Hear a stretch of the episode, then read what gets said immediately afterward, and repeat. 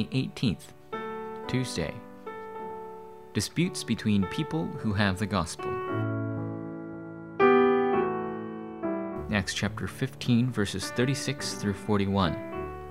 They had such a sharp disagreement that they parted company.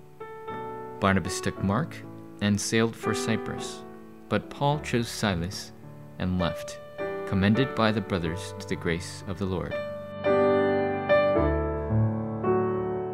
Why are there so many disputes within the world and Korean churches? And why is there division? From the scripture, it may appear that Paul and Barnabas had a severe dispute, but the reality is a different matter. The disagreement between Paul and Barnabas was not a clash of emotions.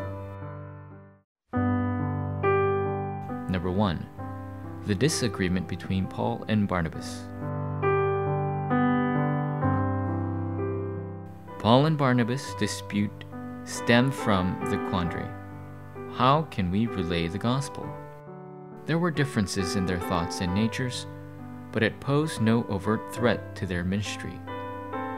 In order for us to properly relay the gospel, we must have conflicts and properly reflect before God, and works will arise within our prayers. Number two, those who have and love the gospel will receive the guidance of the Holy Spirit.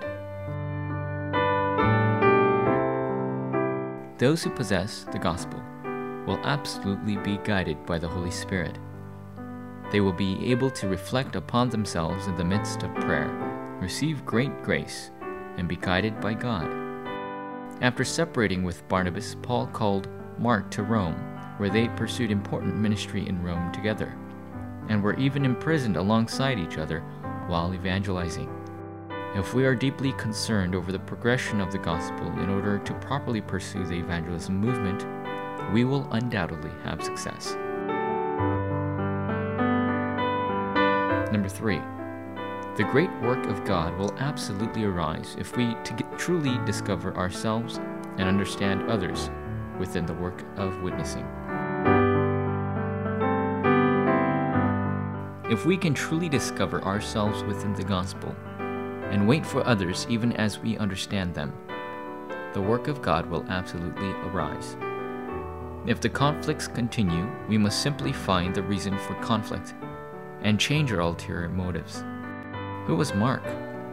He was a blessed man in whose house the evangelist movement of the early church began.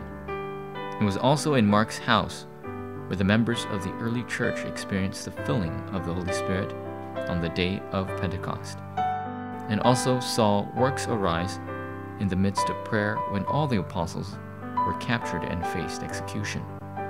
Mark recorded the Gospel of Mark and enjoyed the blessing of pursuing evangelism as his specialty, alongside Paul, Peter, and Timothy. Till the very end, he witnessed, raised the church, and achieved ultimate victory through martyrdom. Forum topic We must resolve I will succeed through the gospel. I will succeed through the power of God. I will rise as a witness who possesses the evidence of God. We must ask ourselves, what am I conflicted about?